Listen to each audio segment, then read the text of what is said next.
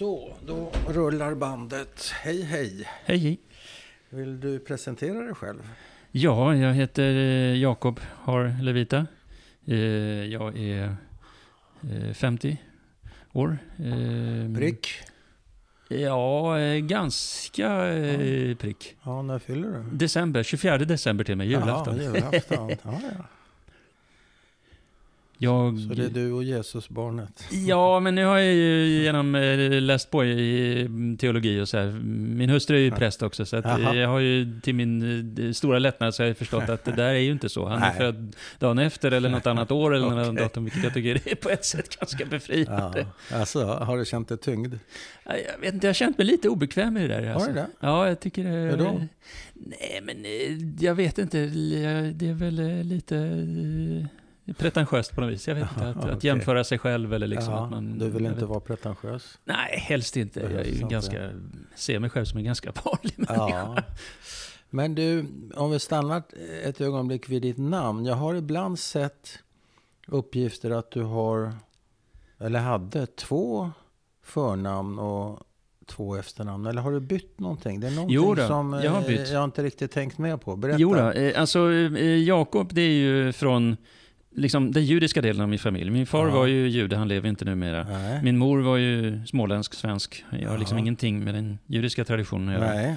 Eh, kom väl från en, vad ska man säga, ganska kristen miljö, om inte djupt troende, så liksom bondemiljö. Ja. Så det är ju två olika världar och där har jag på något vis försökt få ihop det där, min identitet och vem är jag och, och eh, judendomen och eh, ena sidan och kristendomen och andra. Och stått lite med fötterna i båda traditionerna och svensk och min far kom ju från, ursprungligen från Polen, från en djupt ortodox chassidisk miljö och sådär. Ja. Då hette jag Per Jakob, eh, liksom, och då har jag alltid identifierat Per som och Per liksom... var det svenska, Det småländska. svenska bidraget till. Så jag har alltid haft svårt för det här namnet att sätta ihop. Okej, att om jag hade hetat antingen Per eller Ja. Jakob, men jag heter både Per och Jakob. Och då kände jag till Ja. sist att, Var det med bindestreck? med bindestreck. Ja, ja. Och då kände jag till sist att, ah, varför inte? Jag testar. Eller Ja. jag bestämmer mig kan man väl säga Ja. För att jag eh, identifierar mig på något vis ändå mer med det judiska. Även om jag är väldigt, väldigt svensk. Jag är ju född i Sverige, jag är uppvuxen i Ja. Sverige och så vidare.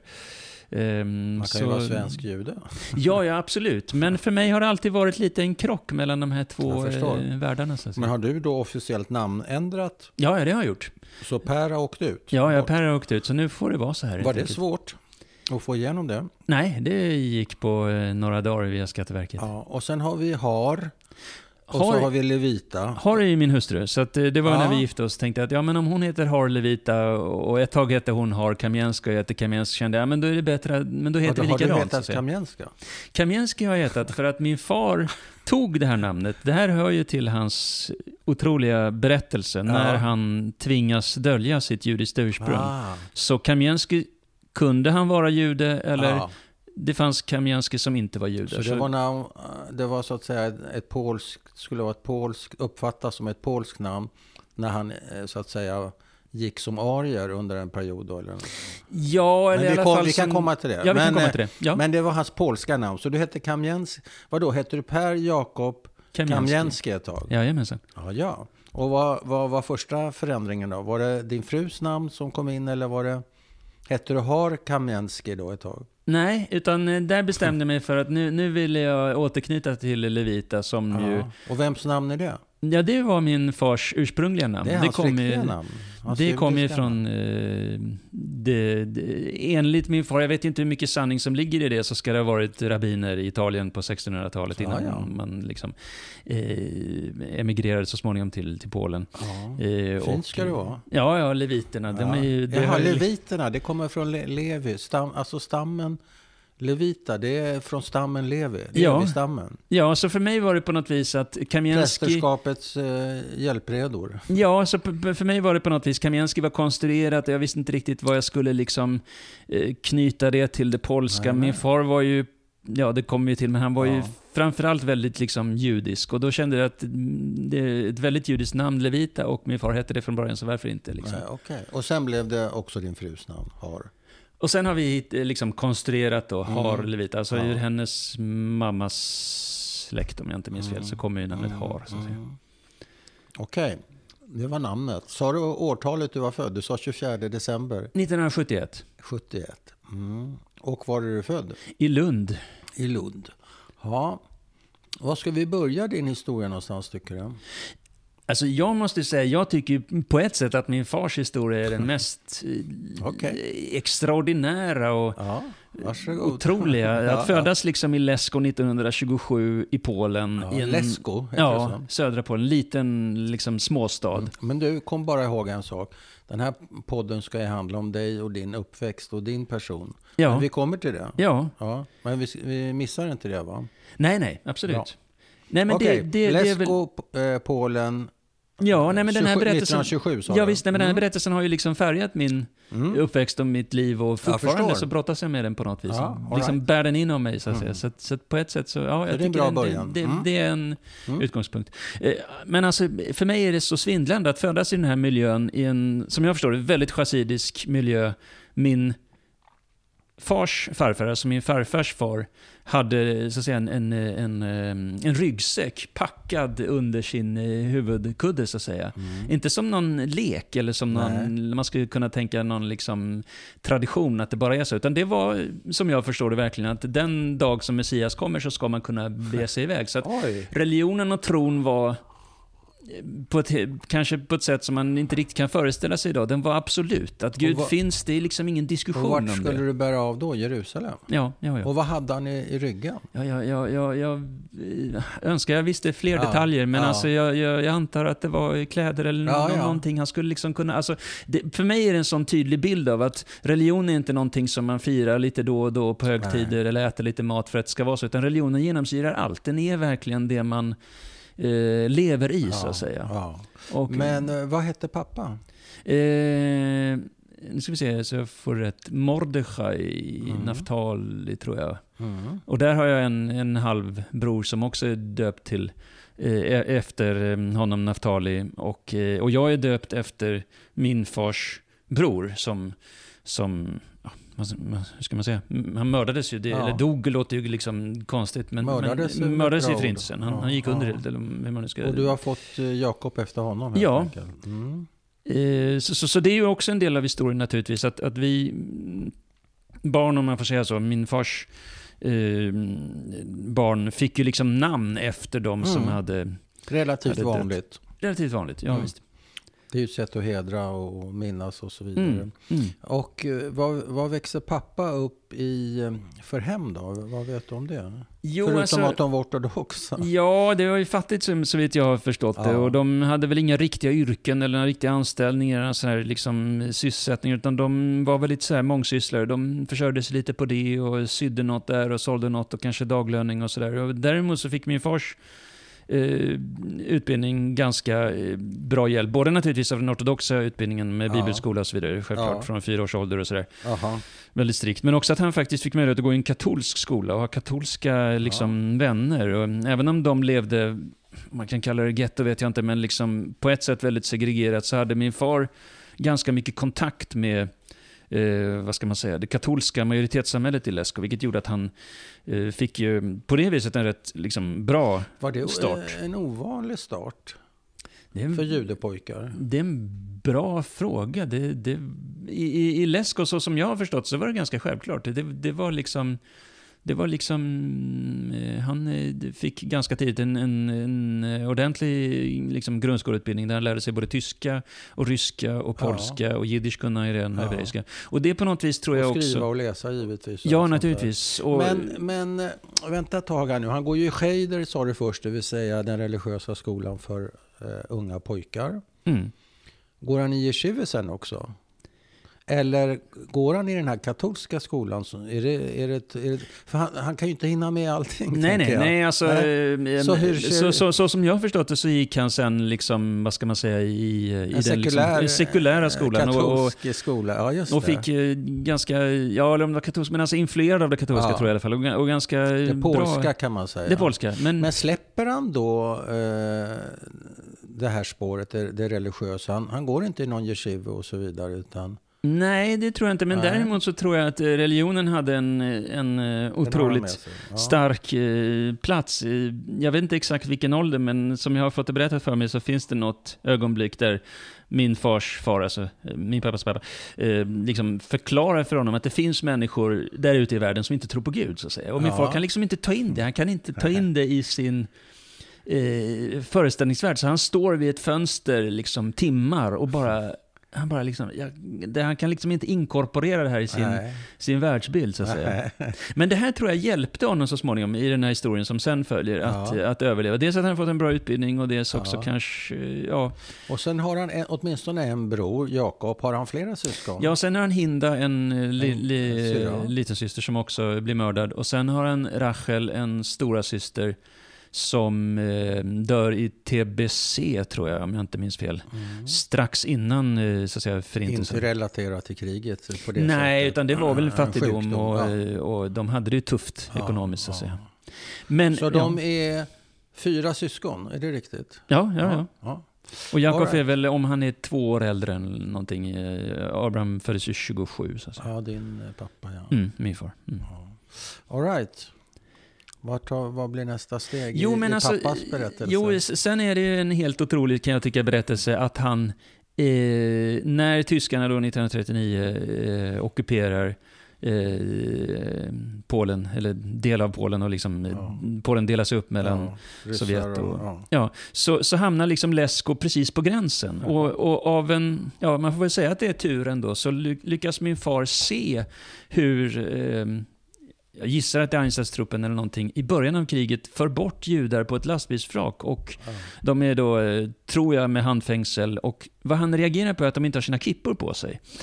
Och, och det är någonting helt, eh, ja det är något helt, eh, det kan han liksom inte, vad är det som händer liksom? Det är helt o, o, o, obegripligt. Han Ja. råkar ju se, det är ju inte meningen att han ska se, han är ute och springer liksom. Han är väl en, vad kan han vara, om han är 12 eller så här, 39 någonting Ja, sånt där. 27, han är 12 ja. Mm. Tonåring liksom, ute och springer på stan. Ja, och, och så kommer han hem, ja, och så kommer han hem och berättar det här för, för sina föräldrar och för sina liksom, anhöriga och äldre Ja. familjemedlemmar. Och de vill ju inte tro på honom. Liksom. Det här är ju bara prat. Liksom. Du behöver inte hålla på och liksom, hetsa upp dig över det här. Men han har, så ung Han har som han är, här, han har sett det här och han har Och han liksom har fått en... det, Han har ja. förstått, men han har börjat få... Eh, här växer någon slags föresats hos min far att jag ska inte vara, som han uttryckte det, jag, jag ska inte vara hos tyskarna så att säga. Nej. Så att sen, när, sen kommer de sovjetiska styrkorna och liksom tar över och sen är det oklart eh, om det verkligen det hände. ja. Ja. Men att eh, det finns eh, indikationer, jag har inte grävt vidare här, att man liksom gräver upp gravar så småningom och hittar och att man lägger pussel och så vidare, men att folk inte vill tro. Ja, jag, jag låter det vara osagt, men hur som det helst. förstod jag ingenting av. Vem nej, gräver de upp här, vad? De här, nej, men de här, de här judarna som har varit på lastbilsflaket, så att säga, vart har de tagit vägen, så att Ja. säga? Är det så att man under så att säga, sovjetisk ockupation hittar de döda eller inte? Ah, Ja, det är möjligt. det finns uppgifter om det. Ja, eller som min Men far kom liksom det- försökte pussla. Men Kom det här att tillföra, tillfalla Sovjetunionen då? För det var ju på gränsen. Vart hör den här Lesko? Heter det så? Ja, alltså under uppdelningen så, eh, så, så tillföll Lesko, som jag förstår det, Sovjetunionen. Så då hade de, Ja, ja. eh, om det var två år av så att säga, sovjetisk ockupation innan Ja, anfallet in- Barbarossa. Ja, just det. Ja. Men för mig är det så eh, indikativt att den här vänta, slumphändelsen... Vänta, vänta tag, Jakob. Vänta, Ja, förlåt. vänta. För det här var ju 39 och tyska trupper, Einsatz-trupper, truppen för bort de här religiösa judarna på ett flak utan kippa. 39 sa du? Ja, så, som, som, som, som, det? jag förstår det, så, Ja. så vitt och jag det var vet. ju så att säga. ryskt sa du ju. Det var ju Sen, sen kommer ju Sovjet, så att säga. så det eh, tar ju ett pakten. tag ja, ja, innan, det går fram och tillbaka. Det går lite fram. Det rikt- tar ett tag riktigt. innan, Ja, eh, det innan Sovjetmakten liksom verkligen... Ja, ja. Så genomför den här pappa då? ockupationen. då? Jo, men det är där. Alltså, hade han inte sett de här männen på lastbilsflaket Ja. så hade han ju, ja, det kan man ju inte veta. Nej. Men för honom var det så viktigt att han, liksom som den enda i sin familj, bestämde sig för att tyskarna kommer jag liksom inte att eh, stanna kvar hos, som han Nej. säger. Så att när Operation Barbarossa drar igång 41, då har min far Ja, det kan röra sig timmar eller någon halv Ja. dag på sig att bestämma sig. Ska han stanna med sin familj med alla Aha. andra som tänker att ja, ja, tyskarna kommer, så kommer Sovjet, så Ja. kommer, vi har haft eh, liksom herrar som har liksom kommit och gått. Det, det är ingenting, eh, vi, vi ligger lågt och så övervintrar vi. Liksom. Men han förstår. han på något instinktivt Ja. sätt ändå eh, begriper faran och flyr. Men han är ju Sticker. 14 år. Han är 14 år. och ja, sticker själv. Ja, ja, han ja, får, visst. har ingen kompis, Nej, ingen till fots, ensam. ensam. Ja, Mm. visst. Österut Ja, då. visst, in mot Ukraina. Och, Ja. och, och, och här är Men fortfarande man kan pusselbitar. säga att han var, ursäkta att jag bryter det, men jag kan Ja, ja. inte låta bli att dra parallellen till, var det farfars farfar med ryggsäcken under eh, kudden? Var det det? Ja, ja.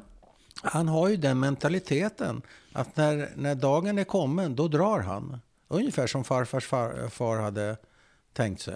ja Har, du, har du tänkt på den parallellen? det, det har jag aldrig tänkt, men å andra sidan så skulle det inneburit ett kollektivt eh, uppbrott, så att säga. Att, ja, att man det, här liksom var håll... ju, det var ju inte kollektivt. Det här är helt... eh, Men jag tänker mentaliteten alltså att ändå... Ja, ja, det var bara en reflektion. Ja, jo, nej, men det, det är en Det var bara en parallell. Ehm, Okej, så vad händer?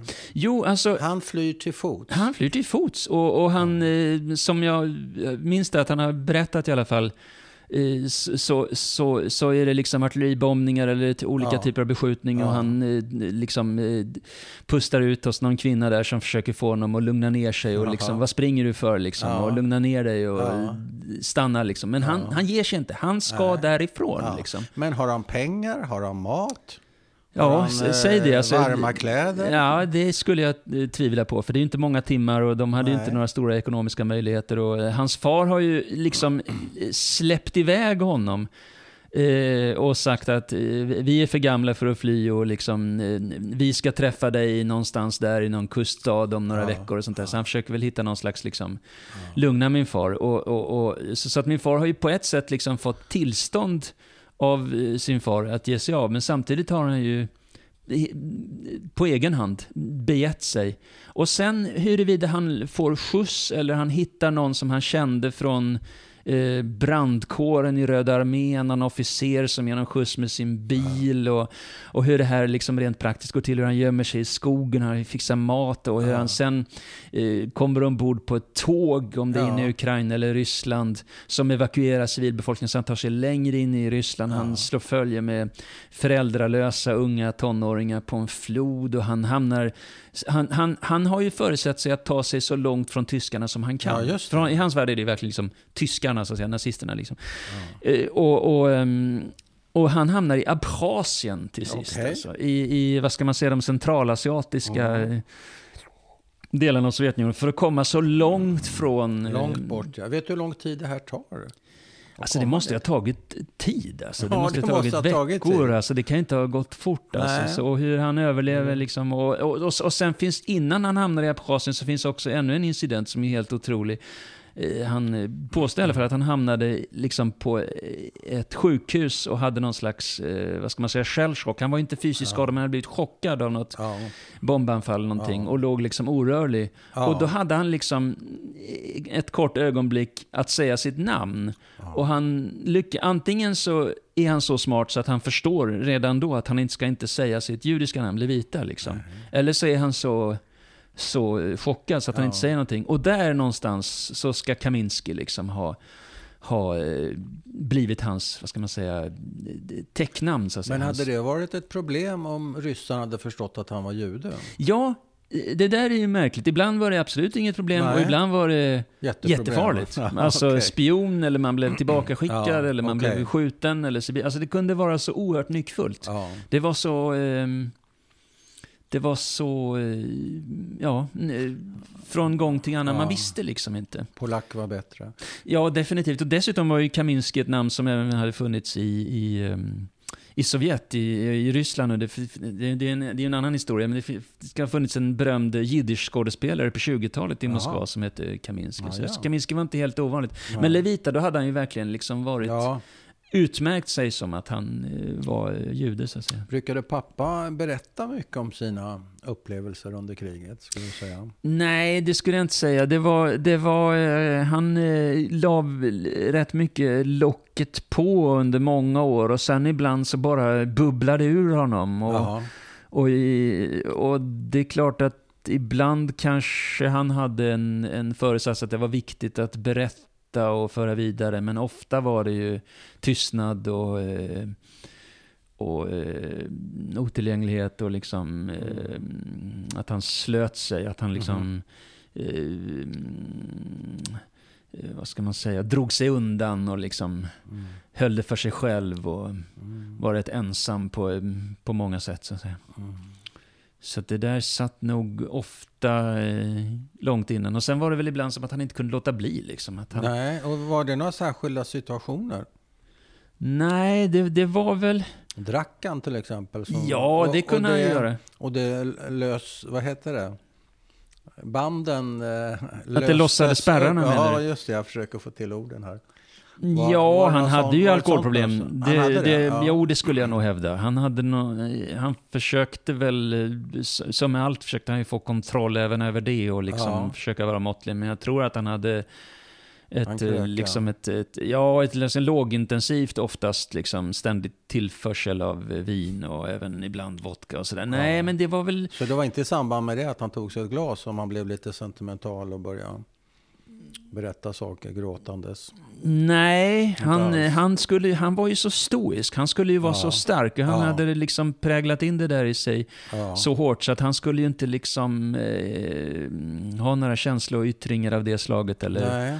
eller liksom eh, visa att han, hur deprimerad han egentligen var, Nej. så att säga, hur sorgligt det här var så att säga. Tyckte du synd om din pappa? Ja, det gjorde jag. Jag tog hand om honom väldigt mycket. Och han sa ju också till mig, vilket ju inte var helt enkelt att hantera eftersom jag var ett barn och hans son, att jag var en bror för honom också. Ja. Och liksom, att jag på något vis fick ersätta hans eh, storebror och hans familj. Jakob alltså som du var? Jakob, ja just det. Eftersom du- jag hette det också. Ja, så. du hette ju det. Ja, så nej, du, var, det... du var som en bror, en- som en storebror till och med? Jo, jag tog hand om honom i, i stor utsträckning och höll koll på Mm. honom och liksom försökte pejla honom och försökte liksom stötta honom så, så gott man nu Hur gammal Kan- är du då, då när du första gången med, alltså som du gör det med, eller som du, ja, Nej, medveten var jag nog eh, inte eh, Nej. under lång tid tror jag. Det är Nej. nog först nu som jag, när jag är vuxen som jag har... Och, och, och faktiskt också när min, min halvsyster Tova som är äldre än vad jag är, hon, hon, hon sa det till mig, du, du tog alltid hand om honom. Liksom. Ja. Och, det, och då, då, då gick det verkligen upp för mig, det är ju faktiskt sant, det var ju faktiskt så det var. Jag var Vad, liksom... vad tänker du om det idag? Nej, jag tänker att det är ju... Det är ju det, jag, jag, jag kom tänka på det när jag lyssnade på en, på en intervju med Margit Silberstein som också Mm. kanske har upplevt liknande saker. Att, att hon, hon, om jag förstår henne rätt, upplevde hon att hon liksom fick ersätta eh, ursprungsfamilj. Och det Ja. är nog inte så hälsosamt. Det är ju inte en roll som tycker det är rimlig att lägga på... på Nej, det är klart inte. Men hur, hur har det påverkat dig? Jo, det har påverkat mig eh, väldigt mycket. Det, det är någonting som jag liksom fortfarande brottas med och försöker förhålla mig till och försöker liksom få ordning på. Och, och, och, eh, och det, det har nog eh,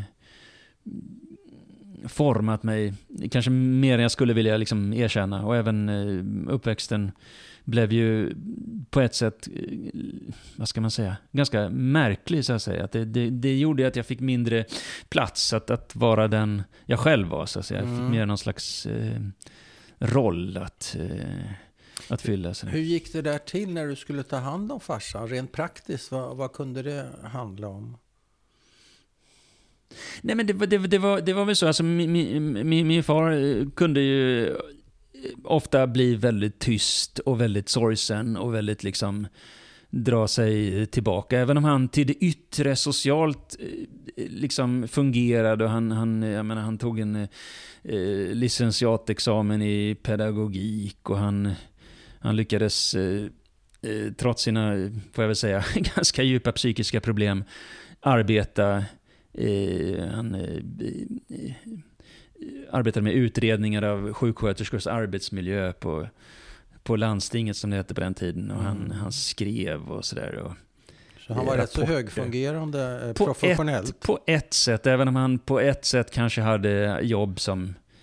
Han hade väl egentligen på ett sätt hellre fortsatt inom det akademiska med forskningen, pedagogik och så vidare. Han, Mm. han, det var ju rapporter på en nivå som kanske inte helt tog i anspråk hans... Han, han, det var ju en person som läste allt han kom över och liksom var som en svamp. Och, Mm. och han hade ju ett antal språk. Och, Mm. Men han kom inte riktigt till sin rätt, kan man säga så? Nej, det, det kan man säga. Sen var han ju liksom genom alla de här upplevelserna han hade gått igenom, en, på ett plan en ensling som inte litade på andra människor och liksom höll sig för sig själv och hade han hade ingen tilltro problem. alltså? Nej, det, till, till, sin omg till, sin, till världen? Nej, på, på, på, ett plan så tror jag han litade inte på någon nej. annan människa på något sätt. Liksom, utan skulle klara allting själv ja. och uh, skulle liksom vara stark och, och ja. stoisk och uh, ja.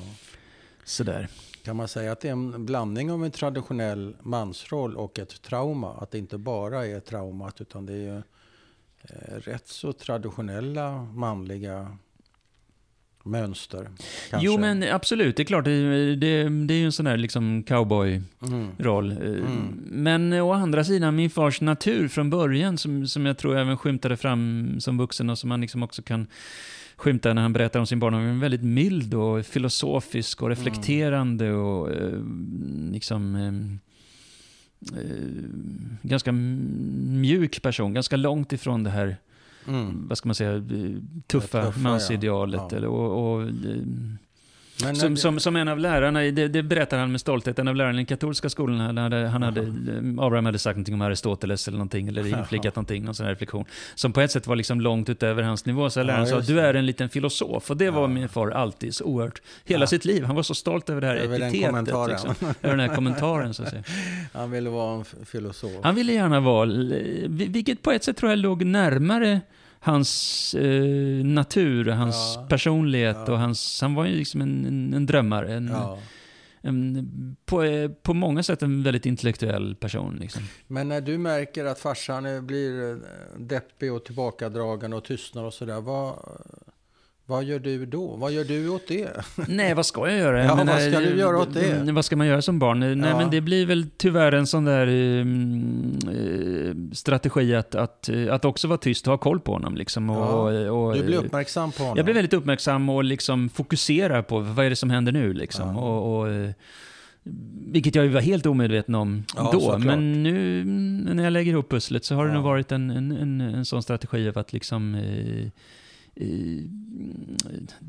tränga undan mig själv och mina egna behov. Och, liksom, ja. och väldigt mycket, strålkastaren hamnar väldigt mycket på, på honom så att pappa, säga. Ja. Och mamma då, kunde hon vara en trygghet för dig?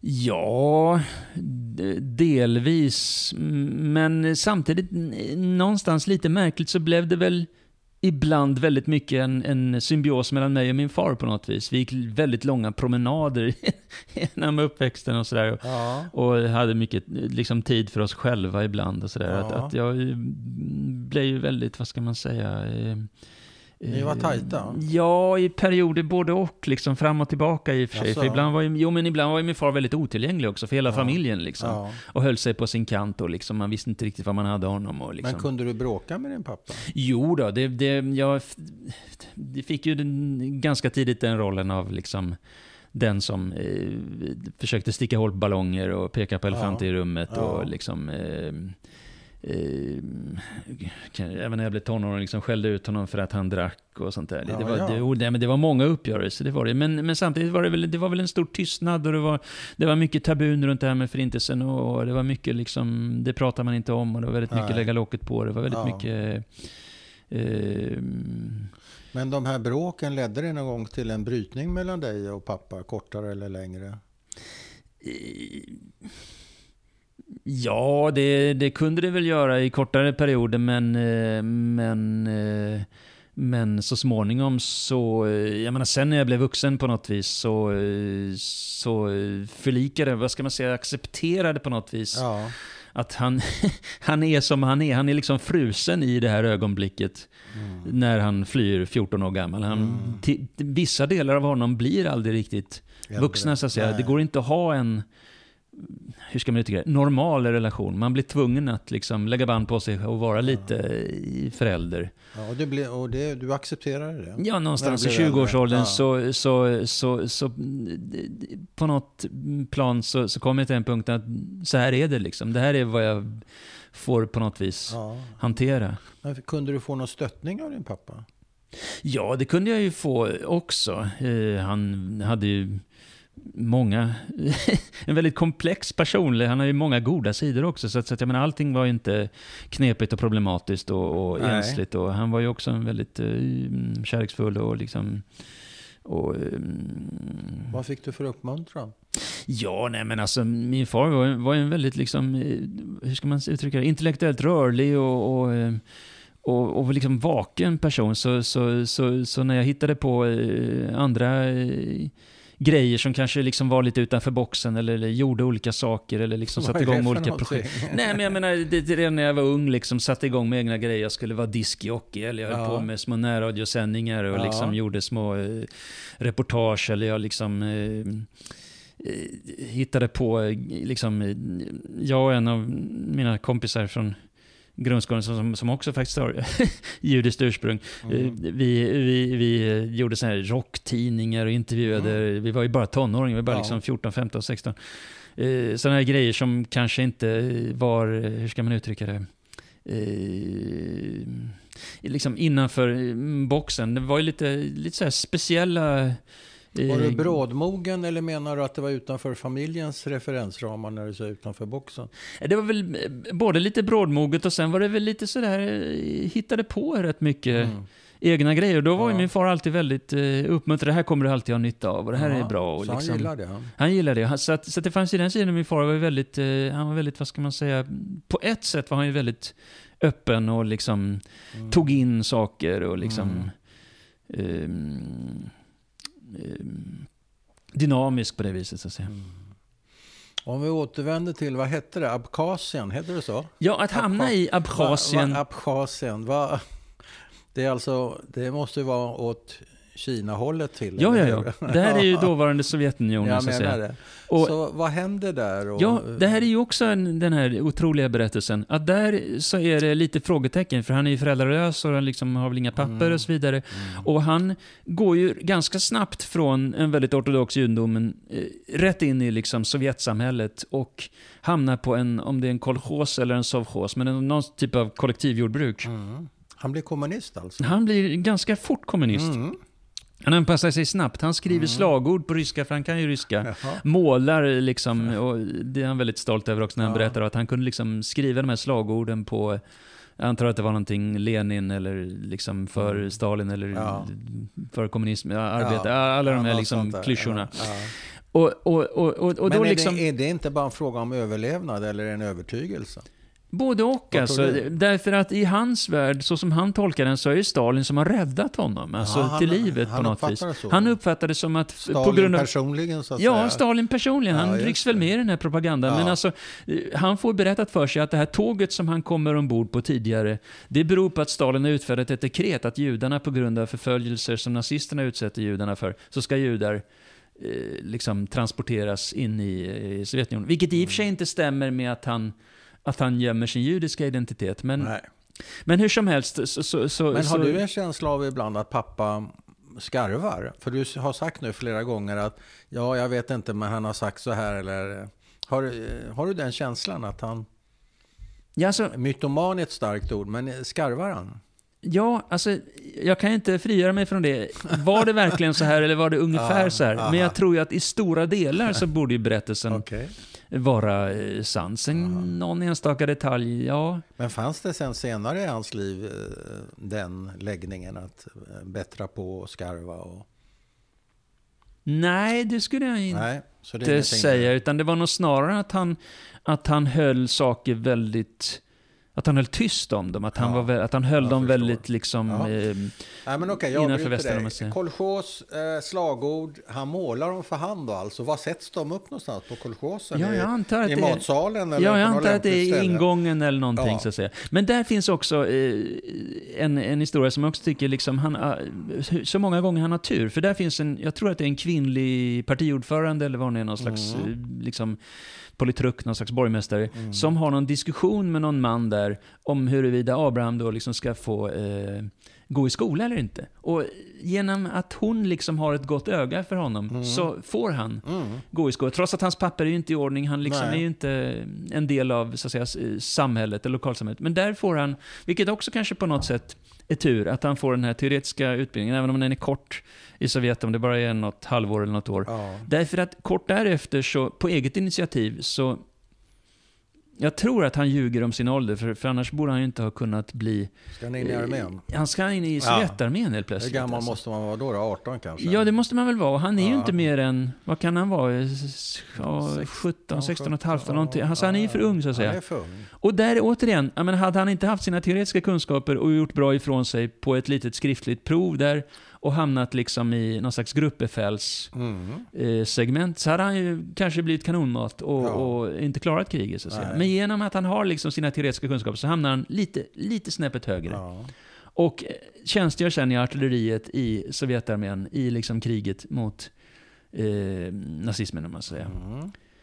Och har därefter ytterligare tur kan man säga. Därför att han med sin, återigen, märkliga instinkt på något vis, så förstår han att han ska inte vara kvar i, eh, liksom i Sovjetsektorn. Eh, om han eh, redan... är det här vid liksom, freden alltså? Eller var befinner vi Ja, oss nu i är ju kriget över. Så, Kriget så, är över. att, så, så att han var, är är ju liksom... han, var är han när kriget är över? Var ja, befinner han sig? Ja, alltså exakt var han är, jag är inte säker, men, men Nej. han är ju, hans papper är ju på ett sätt i ordning. Han är liksom, han har ju, han är ju ingen, det finns ju inget sånt där omedelbart hot mot honom på det viset. Nej. Men han lyckas via Tjeckien, eller Tjeckoslovakien så att säga, Karpaterna, smuggla sig ut ur östblocket med sionister som har infiltrerat Röda Korset. Så då är han med män, kvinnor, barn som liksom tar sig ut ur östblocket Ja. in i väst. Ja, mot Och- Palestina eller vad Nej, planen? nej, sen hamnar han i Wien alltså. Ja, i Wien ja. ja. Så småningom. Och, och där också, som min far har berättat det, så är han livrädd eh, när det är en sovjetisk officer som stiger på en spårvagn där och då tänker att nu hamnar jag i Sibirien. Så att på något vis har han ändå förstått att, att eh, ja, stalinismen är liksom inte är ofarlig. Särskilt inte för honom Nej. med, med, det judiska ursprunget och så vidare. Och, men det går bra, liksom officeren stiger av. Och sen på något sätt så lyckas han alltså ta sig till Berlin. Mm. Och där... Eh, Som väl ligger i ruiner då, föreställer jag mig. ja, ja, jo absolut. Och där så eh, träffar han det som ska bli hans eh, kommande, så att säga, israeliska familj.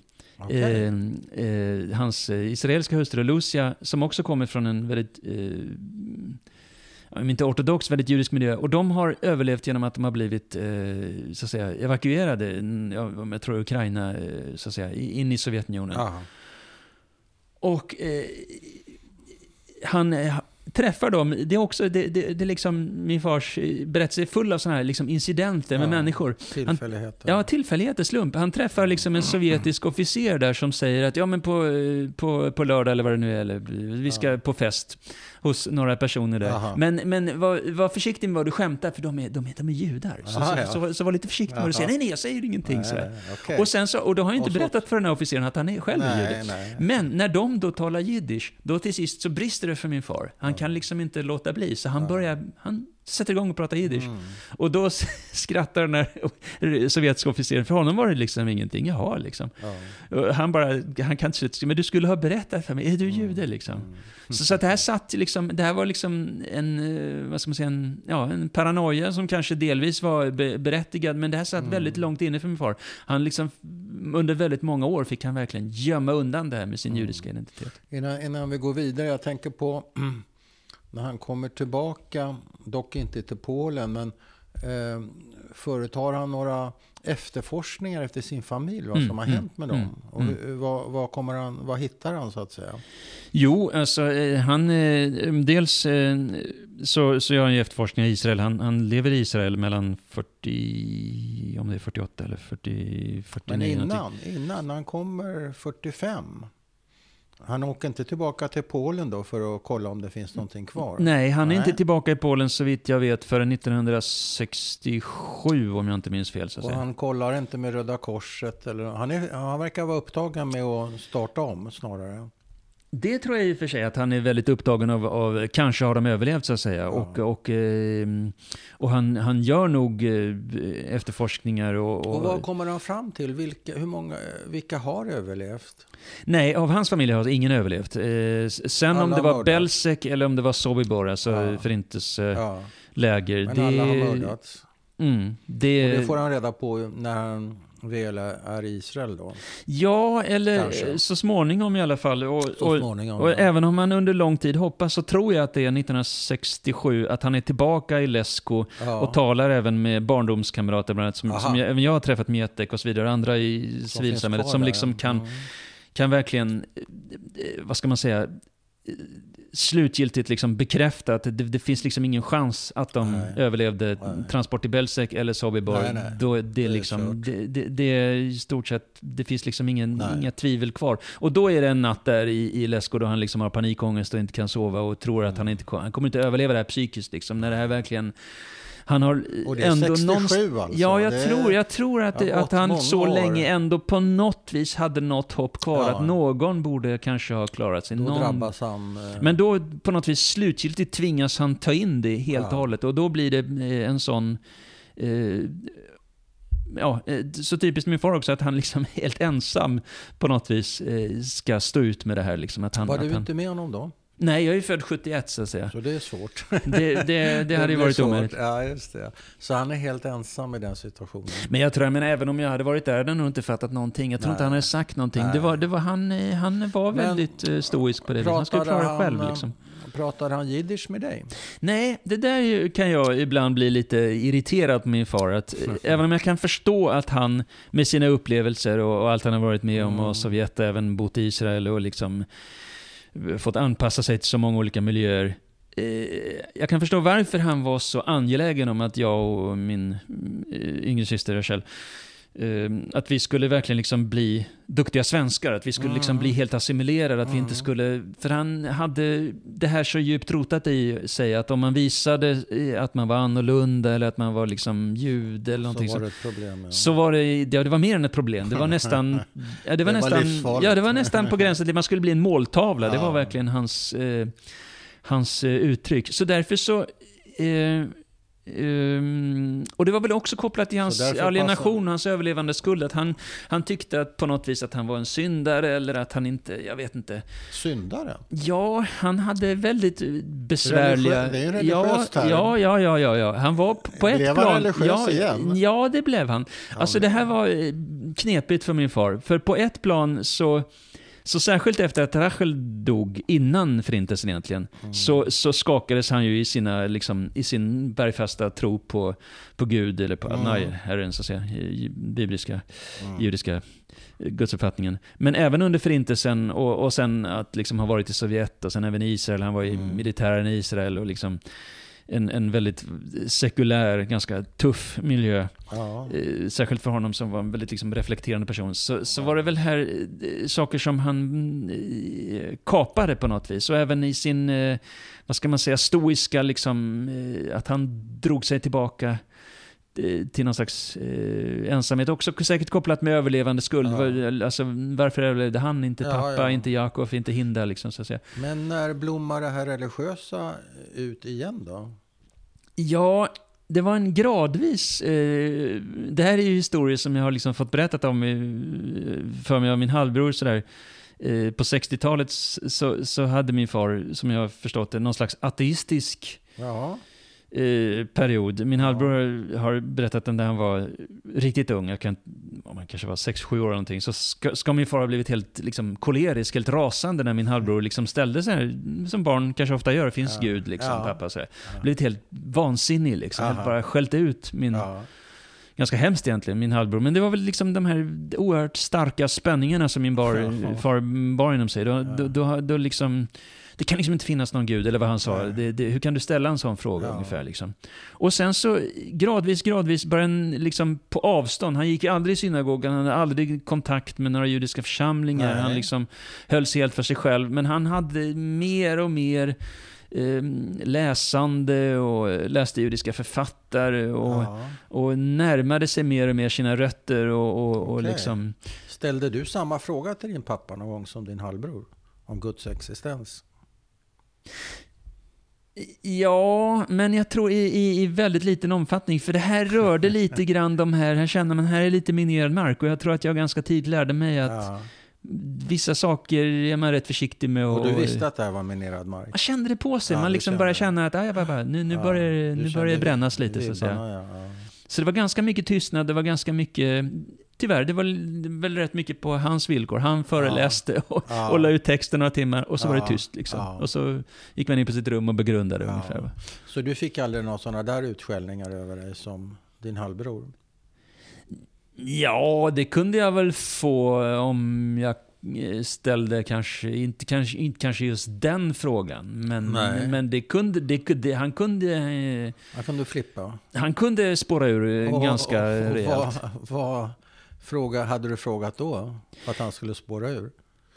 Nej, men det kanske var någonting som, om, om man liksom eh, börjar närma sig någonting om förintelsen eller reflektioner mm. om eh, Stalin eller om mm. Sovjet. Det fanns, det fanns ganska många sådana där... ja, ja, det fanns ganska, ja, det fanns ganska många sådana elefanter i rummet där ja. man liksom börjar lära sig att ja, ja, det där, det där ja. får man eh, liksom läsa om i böcker själv eller ja. prata med andra människor. Det var mycket liksom. han inte klarade av att prata om helt enkelt. Ja, det var mycket tystnad hemma. Det var mycket... Och att ställa en fråga var ju att bryta tystnaden. Ja. Det var inte välkommet. Nej, det, ofta var det inte det. Nej. Det, det, det Blev han våldsam mycket. ibland? Mot dig? Ja, det, det blev han ju. Men det var ju framförallt verbalt koleriskt. Ja. Det var framförallt eh, vad ska man säga, starka eh, inre spänningar som han liksom inte hade koll på. Projektioner, ja. raseriutbrott och den typen av obearbetad... Ja. Eh, och då drar du dig struktur. tillbaka, för du har ju uppgiften att ta hand om eh, farsan. Så att, eller? Ja, tills jag, eller blev, tills jag, ja, tills jag blev tonåring. Då blev då var det liksom, slut på det. Ja, ja, men då blev man, jag vet inte, fick någon annan roll i familjen. Ja. Liksom, av att ifrågasätta saker. Och, då blev du lite friare då? Ja, det, det blev jag. Men å andra sidan så fastnade jag väl i en roll som inte var helt enkel heller. För dig? Nej, framförallt för mig. Vad var att, problemet med, med den mer vad ska vi kalla det för, konfrontatoriska rollen om jag gissar, om jag får beskriva? Jo, men alltså att eh, jag tror inte det är bra för någon tonåring att, att fastna i rollen av att vara den som liksom står och pekar, anklagar och visar och Nej. liksom, ja du dricker för mycket och du gör det där och det, det, det där säger du, det där stämmer inte och liksom att, att, att liksom ha, vad ska man säga, haka upp sig i en roll där man är hela tiden är den som, som pekar eh, finger. Pekar och liksom eh, provocerar eller liksom försöker var, få igång någonting. Var, liksom. ja. Och vad tänker, var det inte... Var inte det skönt för dig att få vädra ut rummet så att säga? Vädra ut tystnaden? Fanns det inte någonting positivt med det. Du beskriver det nu som eh, problematiskt. Ja, men samtidigt fanns det ju väldigt, vad ska man säga, strikta gränser om vad man fick prata om och inte fick, ja. fick prata om. Och det fanns verkligen liksom, även om jag var i den rollen att jag eh, provocerade eller liksom, eh, vad ska man säga, utmanade, så, ja. så fanns det eh, eh, hur ska man uttrycka det, fortfarande väldigt många tabun, saker som man absolut inte berörda, heliga, eller vad ska man säga, ja, liksom elefanter, alltså saker som man, som till exempel berörde förintelsen eller ja, kriget. Det, eller så. Fortfarande, det, det, fortfarande kunde man inte överhuvudtaget... Off limits. Ja, det, det, det, det, det, ställde man inte frågor. Mm, och pratade man så fick man väldigt eh, korta undvikande svar eller ja. tystnad. Men... Men pappa bygger upp en familj i Israel först mm. och får ett barn, två barn? Två barn. Ja, två halvsyskon. Ja, ja. Och vad händer sen då? Hur hamnar han i Sverige? Jo, sen eh, sker ju det att eh, min far eh, gjorde, vad ska man säga, en liten minikarriär inom eh, det militära, vilket Jaha.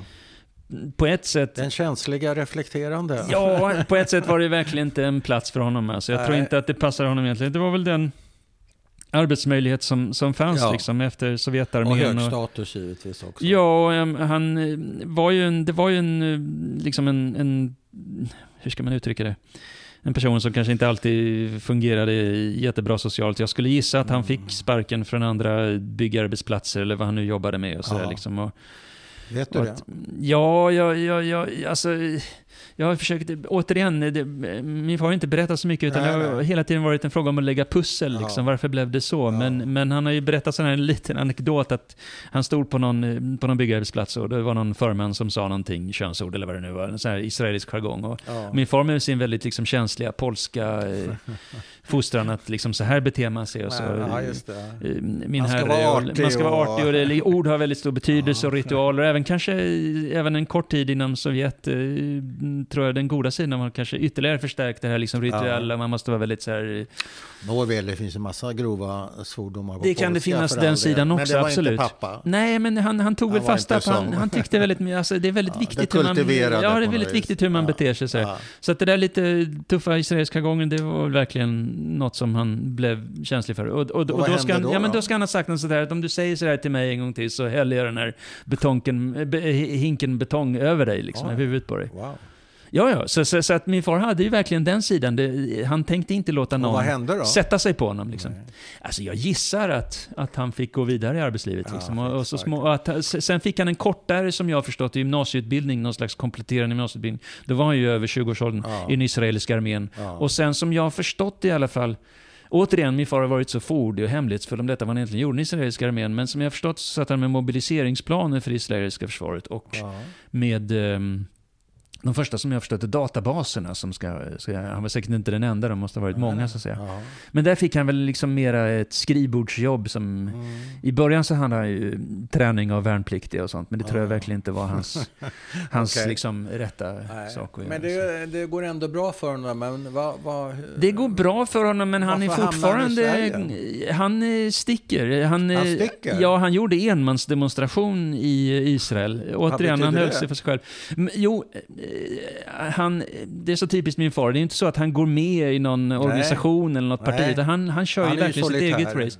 Ja. han hade någon sån här, jag har ju sett bilderna på honom där han ser helt förtvivlad ut. Han hade någon sån här eh, eh, affisch liksom, där han Ja. hade klistrat eh, tidningsurklipp. För den västtyska ambassadören hade då gjort vissa uttalanden i Israel som hade blivit omdiskuterade. Han hade en bakgrund i SS och, och det kom fram och han hade gjort vissa uttalanden som Ja. var klumpiga, får man väl minst sagt säga, okänsliga, om att det var vissa åtgärder under naziregimen. Alltså Okej. åtgärder, det kan man ju Ja. knappast kalla det. Och då hade min far liksom blivit fullkomligt Typiskt min far, rasande då, vilket man Ja. på ett sätt verkligen kan förstå. Och då hade han liksom klätt ut sig med Ja. den här, liksom, eh, hängt de här...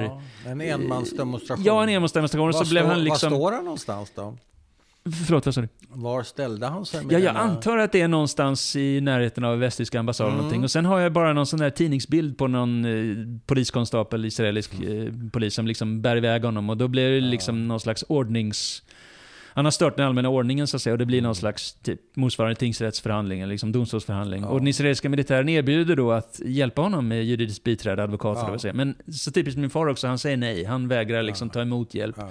Så då har han liksom börjat röra sig ut i någon slags dissident Mm. tillvaro liksom. Han, eh, han, eh, han vägrar liksom vara en del av, av, eh, av etablissemanget Ja, och, det det. som han uppfattar som ockupation och så vidare. Så. Mm. Och, och, och det finns även eh, Vad sa du, det som han eh, pratar om, den israeliska ockupationen? den israeliska ockupationen. Som han är emot? som han är emot. Och han, som, det som han ser som förtryck av palestinier och sådär. Eh, På Västbanken eller var? Gaza eller var det är någonstans? Ja, alltså exakt vad, vilka händelser. Men, men, men, men, han... Men han, hela- hela han, har sett, han har sett behandling av palestinier som han tycker är skamlig och, och, och han är känslig sådär för sådana saker, vilket man absolut kan förstå. Det är mänskligt och jag, jag kan Ja. ha stor respekt för det. Han, han ser någon... eh, eh, eller, eh, Men känner han, har, han, har han träffat, känner han några palestinier? Har han träffat några? Det tror jag i väldigt liten omfattning. Jag tror, Eller däremot så ser läser han... och läser Han och- läser enorma ja. mängder. Han, har, Ja. han umgås ju även i försvarskretsar och i poliskretsar under ett tjänst. Alltså i och med att han är inom militären i Så han hamnar på 10, 13 år. kollisionskurs kan man Han säga. hamnar i total kollision och är det även en, eh, om det är en polischef eller vem det är som kommer hem till deras liksom, familj, hans, Ja. eh, hans nya familj, Ja. eh, där eh, Lucias, alltså hans hustrus pappa och mamma blir på något vis lite grann som eh, extra föräldrar, som Mm. slags nya eh, Mm. liksom, föräldragestalter för honom. Mm. Och, och där är det en polis som skryter om hur han har örfilat upp en palestinsk ung tonåring, 17, 18, någonting sådär, ja. i någon gränskontroll. Det är Ja. någonting liksom. Och han skrattar åt det här. Ja, Att han äter den här palestiniern en örfil liksom. ja. Och min far blir helt fullkomligt liksom blek i ansiktet antar jag. Eh, och, och, men det jag vet är i alla fall att han, han örfilar den här polisen. Och, och, jagar ut honom ur den här lägenheten. Och den här polisen liksom, ja, så, som jag har förstått det, mer eller mindre liksom springer därifrån. Ja, med sin, flyr. med sin, liksom, han sticker därifrån liksom. Ah. Så att det blir väl eh, en period där, tror jag, någonstans 63, 64, tills han lämnar Israel 67. Arbetslöshet, han är liksom, vad ska man säga? ehm, Krökar han också då under den här perioden? Ja, det tror jag. Under sin tid i israeliska militären så, så var det ju en hel, som jag har fått det berättat för mig, eh, alkohol och så vidare. Mm. Så att han blir liksom, och även i den här nya familjen eh, med Lucia och så vidare, så är det ju ingen som har någon förståelse för hans politiska... Nej. De försöker överleva, de har ju inte någon... eh, Han måste vara väldigt udda alltså. Han, han blev väldigt ensam där också. Och han och- hittar heller inget sammanhang för, Nej. för sina åsikter. Nej, utan han, eh, de är när vad ska man säga, praktiskt inriktade. Ja, när skiljer de sig? Ja, han vill ju att Lucia ska följa med honom till Jaha. Sverige. För han har, nu hoppar vi lite, Alltså. men han har faktiskt redan varit en kort period i Sverige efter kriget, någonstans där 47-48, så är han i Borås. Ja, varför Och Borås? väver. Ja. Ja, alltså antagligen av liksom De, arbetsmarknadens... ja, de behövde ju folk för all del. Ja, Och det fanns ju en eh, judisk församling i Borås, om det nu spelar någon roll för honom. vilket han antagligen höll sig borta från. För han Okej, upplevde så han är sig i Borås en liten ensam. sväng. Ja, och, och, och där är det liksom Hur länge ett... då? då? Ja, om det är månader, men det är ju inte länge, för det, det är ju ett frågetecken huruvida han ska få uppehållstillstånd där. Ja. Och där försöker hans arbetsgivare hjälpa honom att stanna. Ja. Det var min far också väldigt stolt över att han lyckades väva så ihärdigt, eh, ihärdigt att han arbetade så, så Ja, hårt. ja. Att den här arbetsgivaren verkligen liksom gjorde allt för att honom, försöka få honom att, att stanna. Men sen Sen dras han väl till, alltså på något vis, det här är ju väldigt eh, ambivalent för min far. Han dras säkert också till till sitt judiska ursprung och Israel och, och liksom den här Ja. nya familjen med Lucia. Ja. De utvandrar, de är ju inte politiskt intresserade som jag har Nej. förstått det, utan de är mera liksom, det gäller att överleva liksom. Men han vill ha med sig dem till Sverige då? Han skulle helst ha sett att Lucia följde med honom Och och, barnen? barnen. Ja. Men hon är ju inte intresserad av några sådana äventyr. Liksom. Hon jobbar väl, om det är sömmerska eller något sånt där, alltså för att liksom få Så vad händer då? Han eh, packar sin väska i stort sett och, och tar en båt till Grekland och på ett sätt ganska odramatiskt jag säger. Det finns ju liksom ingen, ingen, inget, inget eh, hinder för honom att resa iväg Nej. mm, som turist. säga. Han har ju fortfarande ett polskt medborgarskap Ja. kvar Ja. där och naturligtvis ett israeliskt. Men och- då är de inte skilda när han drar, eller? Nej, det tror jag inte i alla fall. Nej. Utan det här är nog väldigt sådär, eh, typiskt min far, impulsivt liksom. Sticka, Ja, mm, ja. eh, såhär, vad ska man säga, eh, eh, eh, Impulskontroll kanske inte var nummer ett. Nej, nej. Det, han, var- han, han, han, han var ganska ja, besvärlig Ja, på det viset. Han, han gick sin egen väg. Ja. Liksom. Nej, då skulle, ganska tjurskallig sådär. Ja. Så då stack han och hamnar i, som, som jag har förstått det i alla fall, jag tror det i Malmö och sen så småningom i, i Lund. Ja. Och, Och hur träffas, hur träffas dina föräldrar?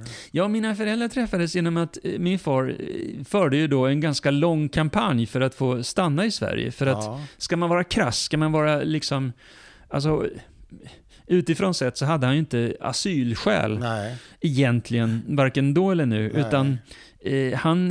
och ingen släkt givetvis som man Nej, kunde nej, nej. hänvisa Nej, nej, till nej. sånt. Utan han för en ganska lång, och eh, här har jag tittat på, jag vet inte hur många Nej. tidningsurklipp, Ja. en ganska, på ett sätt ganska framgångsrik eh, kampanj får man väl kalla han det. i media alltså? Han var i media, han var i Ja, Aftonbladet, PR han var i Skånska Dagbladet, han var... alltså. Ja, Och, så- ja. och så Lars Werner i eh, Vänsterpartiet. Vänsterpartiet, ja. Och eh, SSU i Malmö och Per Ja. Gahrton som Ja, då ja, ja. redan, han var inte mer än vad, 27, 28 någonting. Han, Okej, så det var eh, många som... Ja, det, därför att här finns en förintelseöverlevare som, som lägger ut texten om, eh, om sionismen, Ja, om ja. Israel och Okej. Så han var lite efterfrågad i de kretsarna? på ett sätt. Och, och, och Per Gahrton skriver... han med det då, sällskapet? Ja, det tror jag faktiskt. Ja. För han hade väl lite, om jag får säga så, lite grann en sån där narcissistisk sida. Han Ja. tyckte om att stå i centrum. Han var ju inte Centrum. det här svenska, liksom att, att, att eh, hålla tillbaka sig själv Nej. på det viset. Utan gällde det politiska, långa eh, Ja, ja. tal eller förklara hur saker och ting förhöll sig. Om det inte var det personliga, då var han väldigt vältalig. Men hur träffas föräldrarna? Jo, då finns det i den här kretsen av aktivister, eller man ska säga, Mm. ehm, ett par människor där i Lund, eh, i en akademisk krets, som hjälper Vietnamdesertörer som inte vill tillbaka till USA för att Ja, de inte vill det. i Vietnam. Och då lär de känna Abraham i de här kretsarna Ja, av aktivister. Och de sammanför min mor och min far på en Ja, ja. teaterföreställning där. okej. Det borde varit 68, eller om det redan är 67 där. Ja, Men det tar ju ganska lång tid innan min far får stanna i Sverige. ja. Och det är, jag har även läst den här, det är helt otroligt att läsa en lång inlägg av, av Per Gahrton där han argumenterar för ett dokument som finns på den svenska ambassaden i Tel Aviv som Ja. härstammar säga, från israeliska säkerhetstjänsten där Ja. Abraham utmålas som en säkerhetsrisk. Han har Jaha. polskt medborgarskap, han har hållit på med mobiliseringsplaner i israeliska armén. att, han var under bevakning så att säga. Han kände till det där dokumentet. Ja, jag vet inte sjutton hur, hur, liksom, hur, hur, eh, hur nej, han luskar reda i det här. Hur, hur, men, men det här dokumentet är då ställt till utrikesnämnden Ja. alltså, och till kungen och Ja, liksom, ja, det är sid, tiotal sidor. Men till slut eh, så får pappa eh, svenskt medborgarskap. Ganska mirakulöst på ett sätt. Och, och där finns en Ja. sån där eh, löpsedel som min far också var oerhört stolt över som han hade ramat in. Där det stod eh, Skånska Dagbladet står löpsedel för dagen var med ganska stor text, Tage Erlander bombhotad, vilket inte hade någonting med min far att göra. Utan det var liksom bara Dagens Nyheter, Ja, ja, ja, ena nyheten där, och sen så stod det Kamjenski får stanna i Sverige.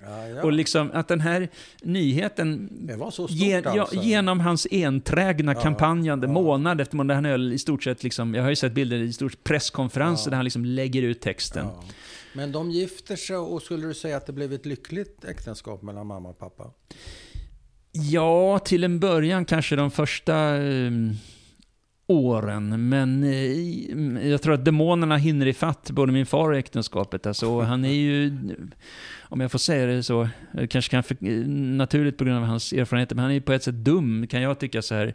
Att liksom inte ta hjälp, eller att liksom inte, han skulle klara allting själv och han liksom, Ja. det var locket på, det var Ja. liksom, Han sökte aldrig hjälp. nej, inte, Fick vad, inte vad jag vet. Mediciner fick han aldrig. Nej, nej, Han var aldrig inlagd. nej, nej. Han höll Var sig... han självmordsbenägen? Nej, Nej, inte heller. nej. Utan han var på en... eh, Antingen var han kolerisk eller så var han deprimerad låter det som. Var han aldrig glad? Jo, det kunde han ju vara. Eh, och, och eh, särskilt med oss barn tror jag. Det var liksom, Det var det, även ja. efter Förintelsen tror jag det var liksom, Ja.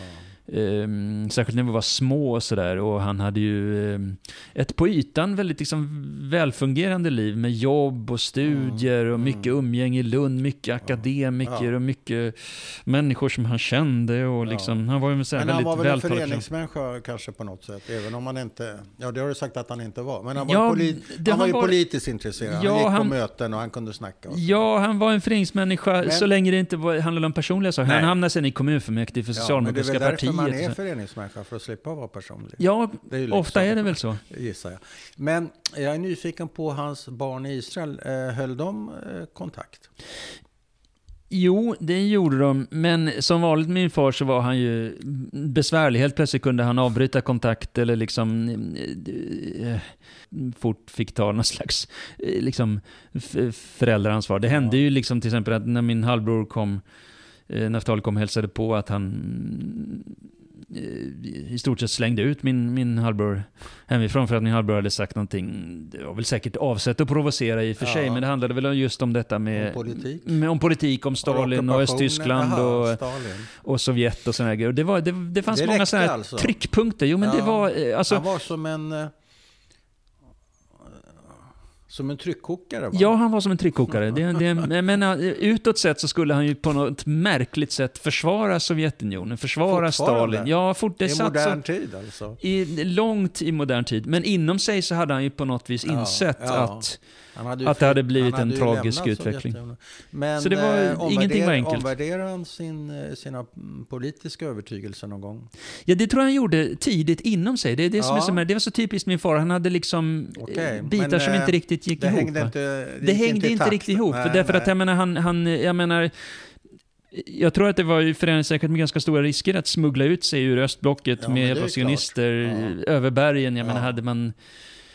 eh, Det här måste ju ha varit, eh, ja det var ju fortfarande Stalins Sovjet och Östeuropa och liksom eh, anklagelser som spioneri. Alltså det var inte liksom, det gör man Men- inte om man inte har förstått Men säga. när du växer upp, vad är pappa då? Är han, ja jude är han väl gissar jag.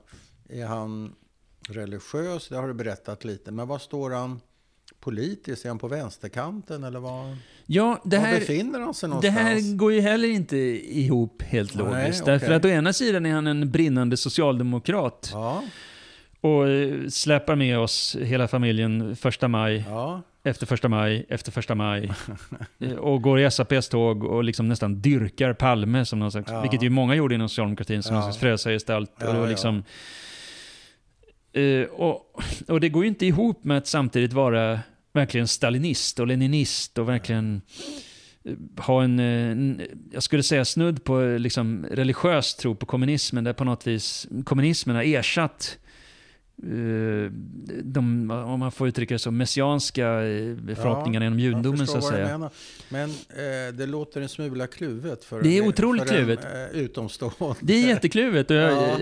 eh, då var jag ju inte medveten om det, men, men nu när jag tittar tillbaka på det så måste det ha varit väldigt förvirrande. Och även det här förhållandet till judendomen där han på något vis fortfarande har sån oerhörd respekt för liksom rabbin är någonting nästan Ja, ja. ouppnåeligt Så det fint. hade han med och, sig. Ja, Men han, så- var, så- han så var ju det här- stelnad, har du ju beskrivit det som delvis. Han, han var ju fortfarande en 14-åring i vissa avseenden när det gäller värderingar och så här. Och när han stack så var han väl fortfarande ortodox. Men han var ju väldigt klarsynt får man ju säga. Men det verkar han inte riktigt haft med sig hela livet, den här klarsyntheten.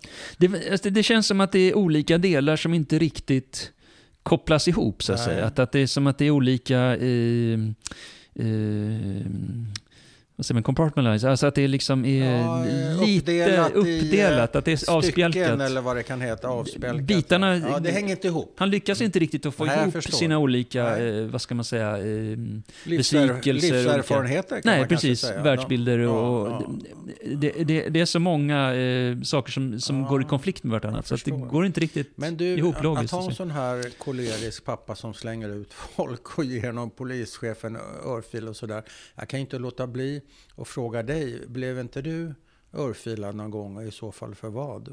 Jo, det blev jag. Eh, Och ofta? Nej, det, det, det, det, var, eh, det var oftare eh, verbala eh, koleriska Mm. utbrott. Men när han gav dig örfilar vad var det för? Nej, Eller det- kunde det vara samma sak som de ver verbala utbrotten?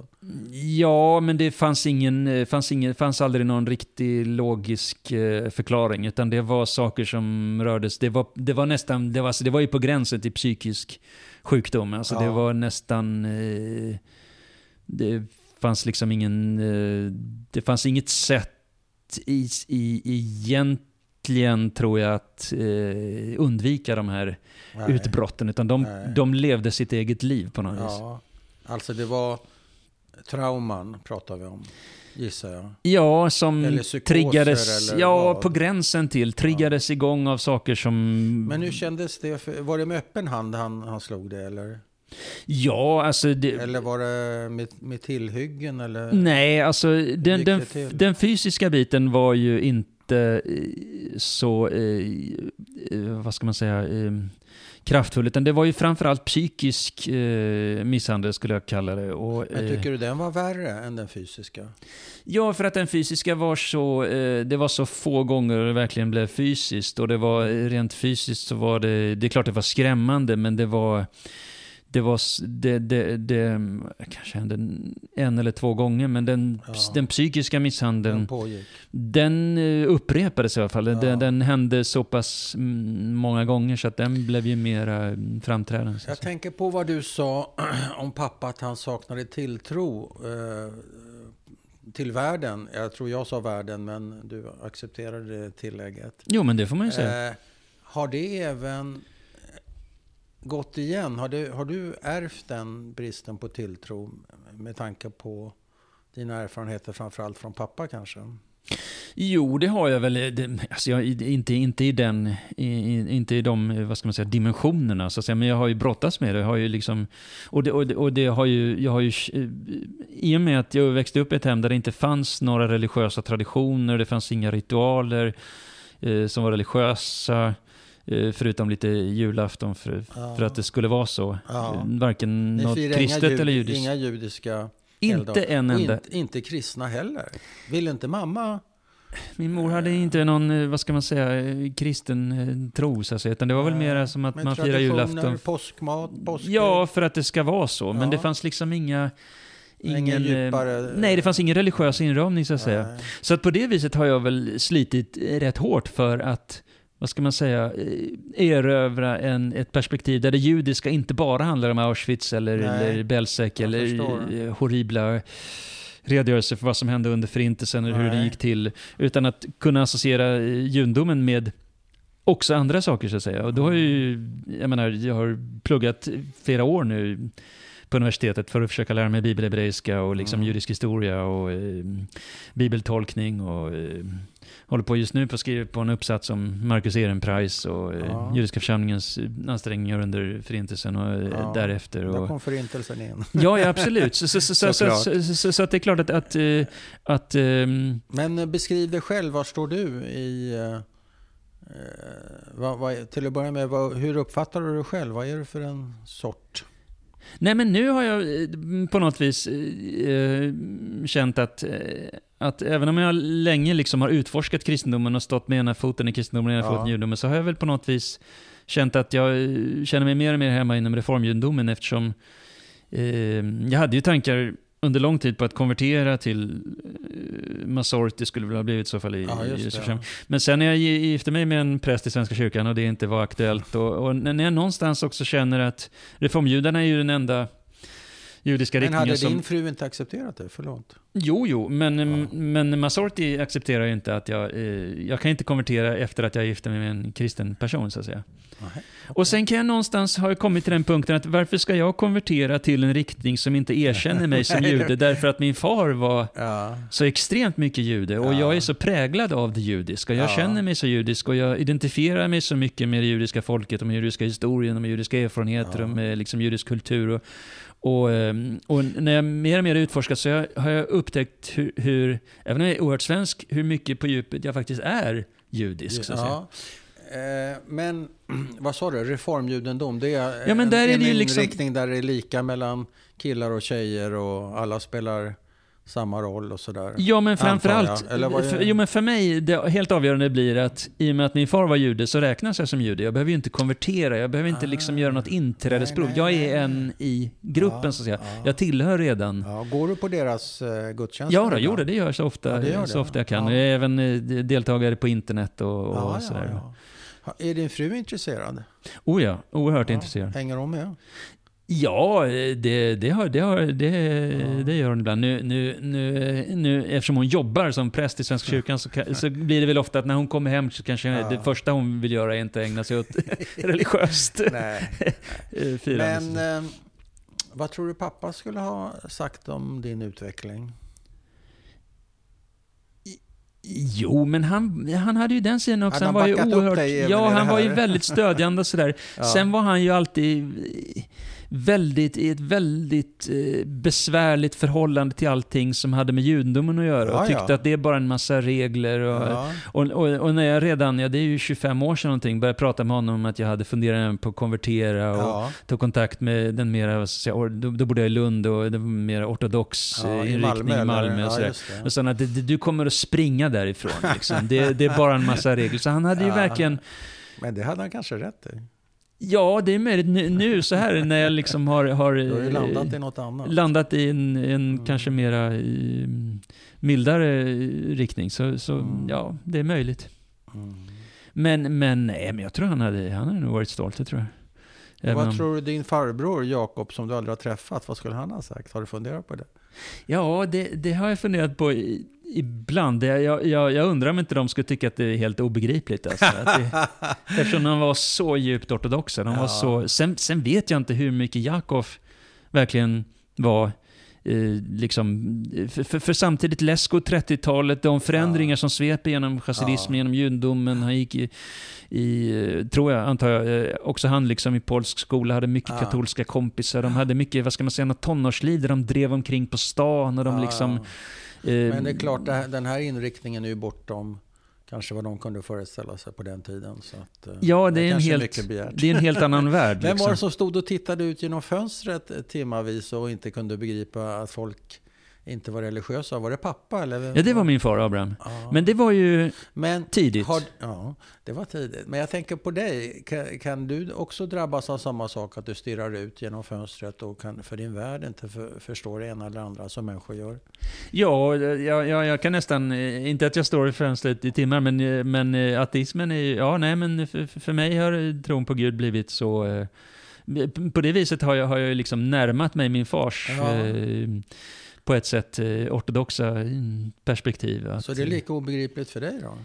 inte, Nästan. Nästan, jag kan, jag kan känna igen mig i det. Ja, alltså. nu, nu när jag har är liksom... inte det fint det? En sån besvärlig människa som du har haft som pappa. Att, att ni ändå kan eh, spåra lite likadant, kan man säga så? Jo, men jag har fått så otroligt mycket positivt om min far. Det får man Ja. inte glömma. Nu, nu, Nej, nej, men nu, han var ju nu en- fokuserar så- man på de problematiska sidorna. ja, men, inte bara, men det, det, han hade ju sina tillkortakommanden givetvis. Men, Ja, eh, och sen, sen har jag, jag, menar, jag har ju medvetet försökt eh, närma mig religion och judendomen och Mm. liksom chassidism, försöka förstå och eh, bibel, hebreiska bibeln och bibeltolkning och liksom ja. Finns språket. det en gud? Och, ja, det är jag helt övertygad om. det Det, jag. det, Har du några bevis? Nej, det, det, Nej, det har är du inte. det, det, det, det, det är väl i så fall människan och jorden så som den ändå Ja. ser ut. Men, du det är liksom övertygad om Guds existens alltså? Ja, det, det, har, det har jag blivit mer och mer så att säga. Men har muslimer, kristna och judar och alla andra religioner, har de samma gud? Ja, det är jag helt övertygad Det om. är så? ja. Det tror jag. Finns bara en. Olika sätt att, Mm. äh, olika språk, olika sätt att Mm. Det, det, det vore nog konstigt om jag efter fyra år på teologiska institutionen i Uppsala mm, studerat Ja, Koranen ja, och hinduismen och ja, buddhismen men- och kristendomen. Och, Tvivlar du aldrig? jo, det, det gör jag. också, jag. Det gör jag. Fast, eh, fast det där har jag nog blivit lik min far, i alla fall som han var i början. Att, att Guds existens, den, den är svårt att och, grunden tvivla på. Alltså. Det, Skönt. ja, det är skönt. Det, Har det, du så? det har jag liksom erövrat nu med Ja, mycket, verkligen. mycket idogt Ja, arbete. sista Liksom. fr- näsvis fråga, sen kanske du vill lägga till något, det får du gärna göra. Men jiddisch, Mm. har du lärt dig det? Det, är, det är min plan, att, att det, det är nästa, Ja, nästa det är etapp. jag har ju ägnat så oerhört många timmar och så mycket eh, kraft åt eh, bibelhebreiskan och Ja, även modern hebreiska ja. och försöka förhålla mig till den hebreiska bibeln, alla de knepiga berättelserna. Hur ska man liksom kunna med moderna ögon kunna förhålla sig till det? Ja. På, hur ska man tolka den här förfärliga berättelsen efter Ja. den andra och liksom de här citaten. Så, så, så det har liksom upptagit mig nu under så många år så att det har liksom tagit verkligen all kraft. Så det är på något vis bestämt för jag måste ta ett språk i taget och bara Ja. hålla på och lära mig bibelhebreiska med alla dessa verb, alla dessa Ja, nifall och poel och... jag vet inte vad det är ens en gång. Nej, okej, det, det är otroligt, kan jag tycka, Ja, besvärlig grammatik Ja. liksom, som kräver jättemycket arbete. Så, så, så jag, jag, jag Men känner det här eh, är... jiddisch ligger i pipen alltså? Ja, absolut. Oh, ja. Det, det, det, kommer jag lägga ner. Minst lika mycket kraft på. Där känner jag en väldig nyfikenhet och en väldig... Ja. Jag, jag ser fram emot det och, och liksom verkligen gå djupt in i Ja. jiddischland om man får säga så. Häftigt. Ja, det får man väl. För det är, min halvbror pratar ju jiddisch. Ja, ja.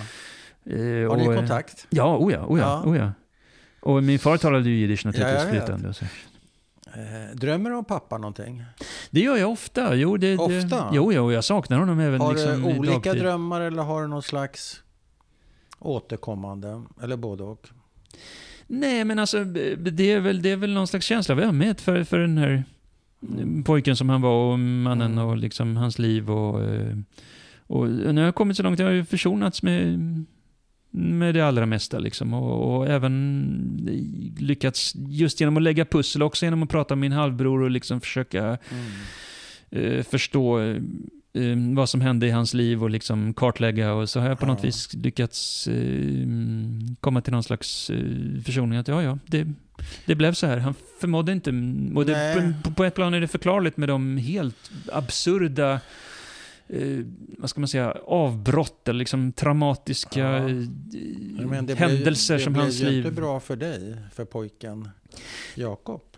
Inte, Nej. helt, och, inte helt och hållet. Nej, men till sist nu givetvis. så, så, så på något Men vis... du har eh, accepterat det? Ja, på, på, på något vis så lyckas jag liksom eh, få ihop det och, Ja. och förlåta och liksom Då kanske du kan prata jiddisch med pappa i drömmen. Varför Ja, det, det ser jag fram emot. Det är, ja, men jiddisch, det, det, kunna det är verkligen en, en, en kulturskatt. Men du sa att du hade, eh, lite Peter kanske, men du hade försonats med det mesta.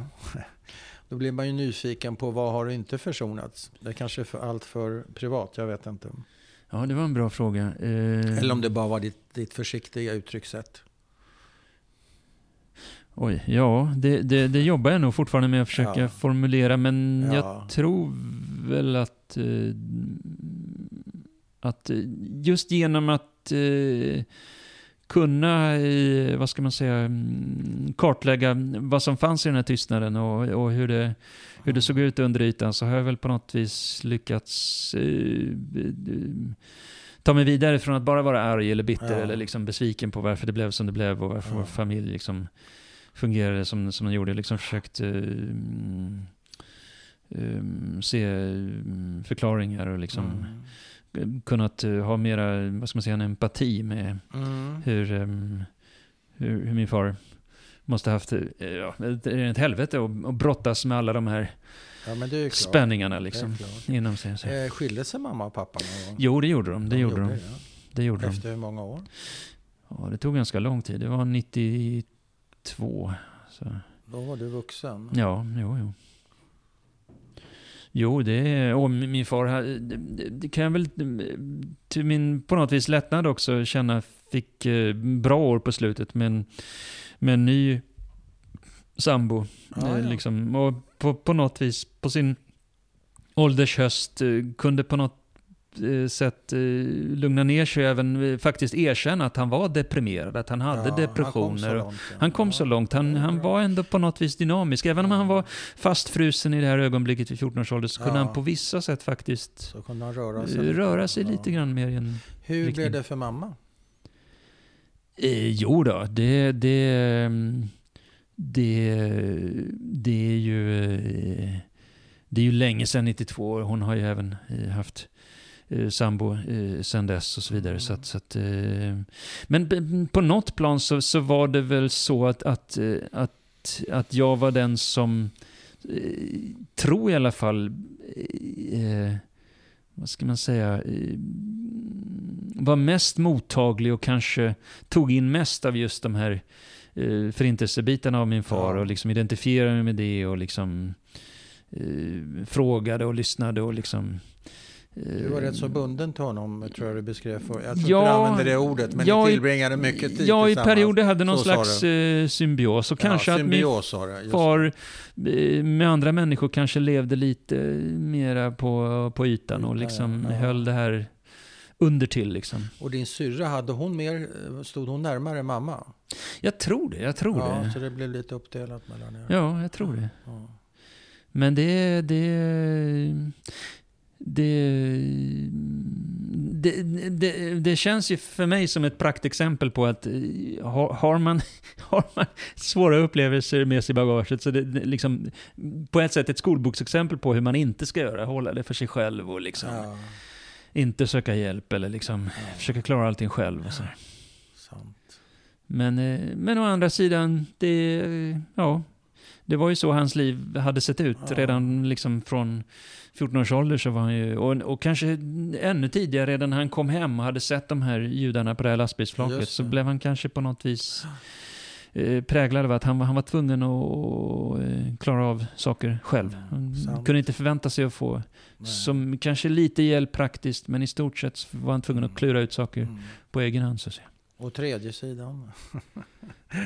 Ja, tredje sidan Nej, kan man ju, nej, men tredje sidan kan man ju tycka att eh, med, en så välutbildad person så borde han någonstans ha insett att, att det finns hjälp Ja. att få, jag kan Ja, göra det. Men och så vidare. ja, han var låst känslomässigt. Ja. Ska vi sätta punkt där? ja tack. Ja, tack så mycket Tack så ha. att du ville berätta. Tack.